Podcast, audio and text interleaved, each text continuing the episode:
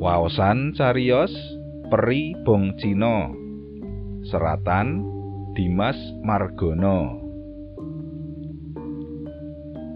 Semarang udane ngreceh. Esuk awan sore lan bengi ora ana entek-enteke banyu kaya-kaya disuntak saka langit. Patang dina suwene ora ana sunare bagaskara ndadekake kutha Semarang peteng. Ngendi-ngendi kekes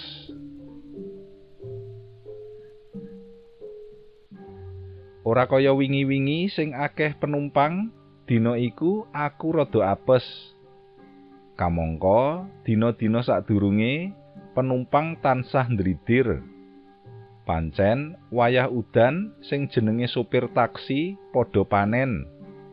Aku ya ngono telung dina sadurunge aku bisa mangan enak karo keluarga Senajan setoran taksi diundhakake dening juragan sing tau ndadekake protese para sopir, aku tetep bisa setoran wutuh.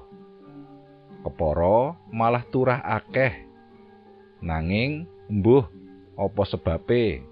Sore iku aku durung oleh penumpang siji-sijiya. Arep mubeng golek penumpang rasane kok ya males. kabeh panggonan mesti banjir. Simpang 5 apa meneh? Mesti wis ora bisa diliwati. Mula aku pilih ndekem ing jero taksi. Ora krasa wektune saya merambat. Wis jam setengah wolu. Halte sak cedake pasar kambing sing dadi pangkalanku sepi. mung ana wong siji loro sing ngenteni bis jurusan Solo utawa Yogja. Lan sawetara calo sing ulate suntrut kaya aku. Ora ana wong guneman babar pisan. Kabeh padha memeng lan sedakep meripat ndeleng banyu udan aku dhewe pilih ngakep rokok kelangenanku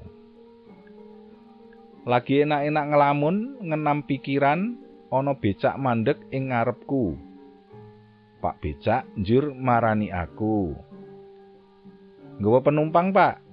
Ora sronto aku takon. Heeh jane aku sing dijaluk ngeterake. Ning aku ora sanggup. Kandhane karo awake gemeter kademen untune padha nyuwara klutuk-klutuk nandhakake yen Pak Becak kuwi kademen tenan. Njur dheweke kondo meneh. Takon numpak taksi kok gelem. Nyang endi to? Jare kon ngeterake nyang ketilang. Mbuh, do gendeng apa piye? Wong becak kok kon merono.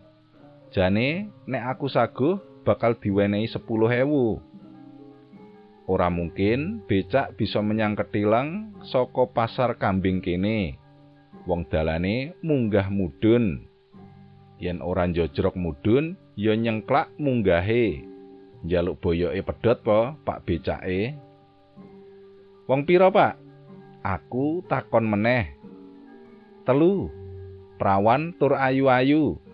Wangsulane karo ngedepake meripat Mbuh prawan mbuh rondo ayu apa ora kanggoku ora penting Ayuwa ya arep ngopo? Ora ayu yen duwe dhuwit ya dak terake. Nanging saibo kagetku. Bareng kenya telu mau wis mlebu taksi.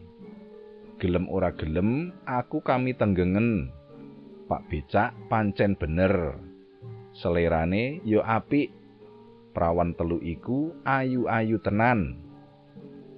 Sadurunge taksi dak playokake, aku isih kober nggatekake wong telu mau. Pranyata keturunan Cina. Meripate sipit, lambene tipis, lan mesti wae kulite kuning semu putih.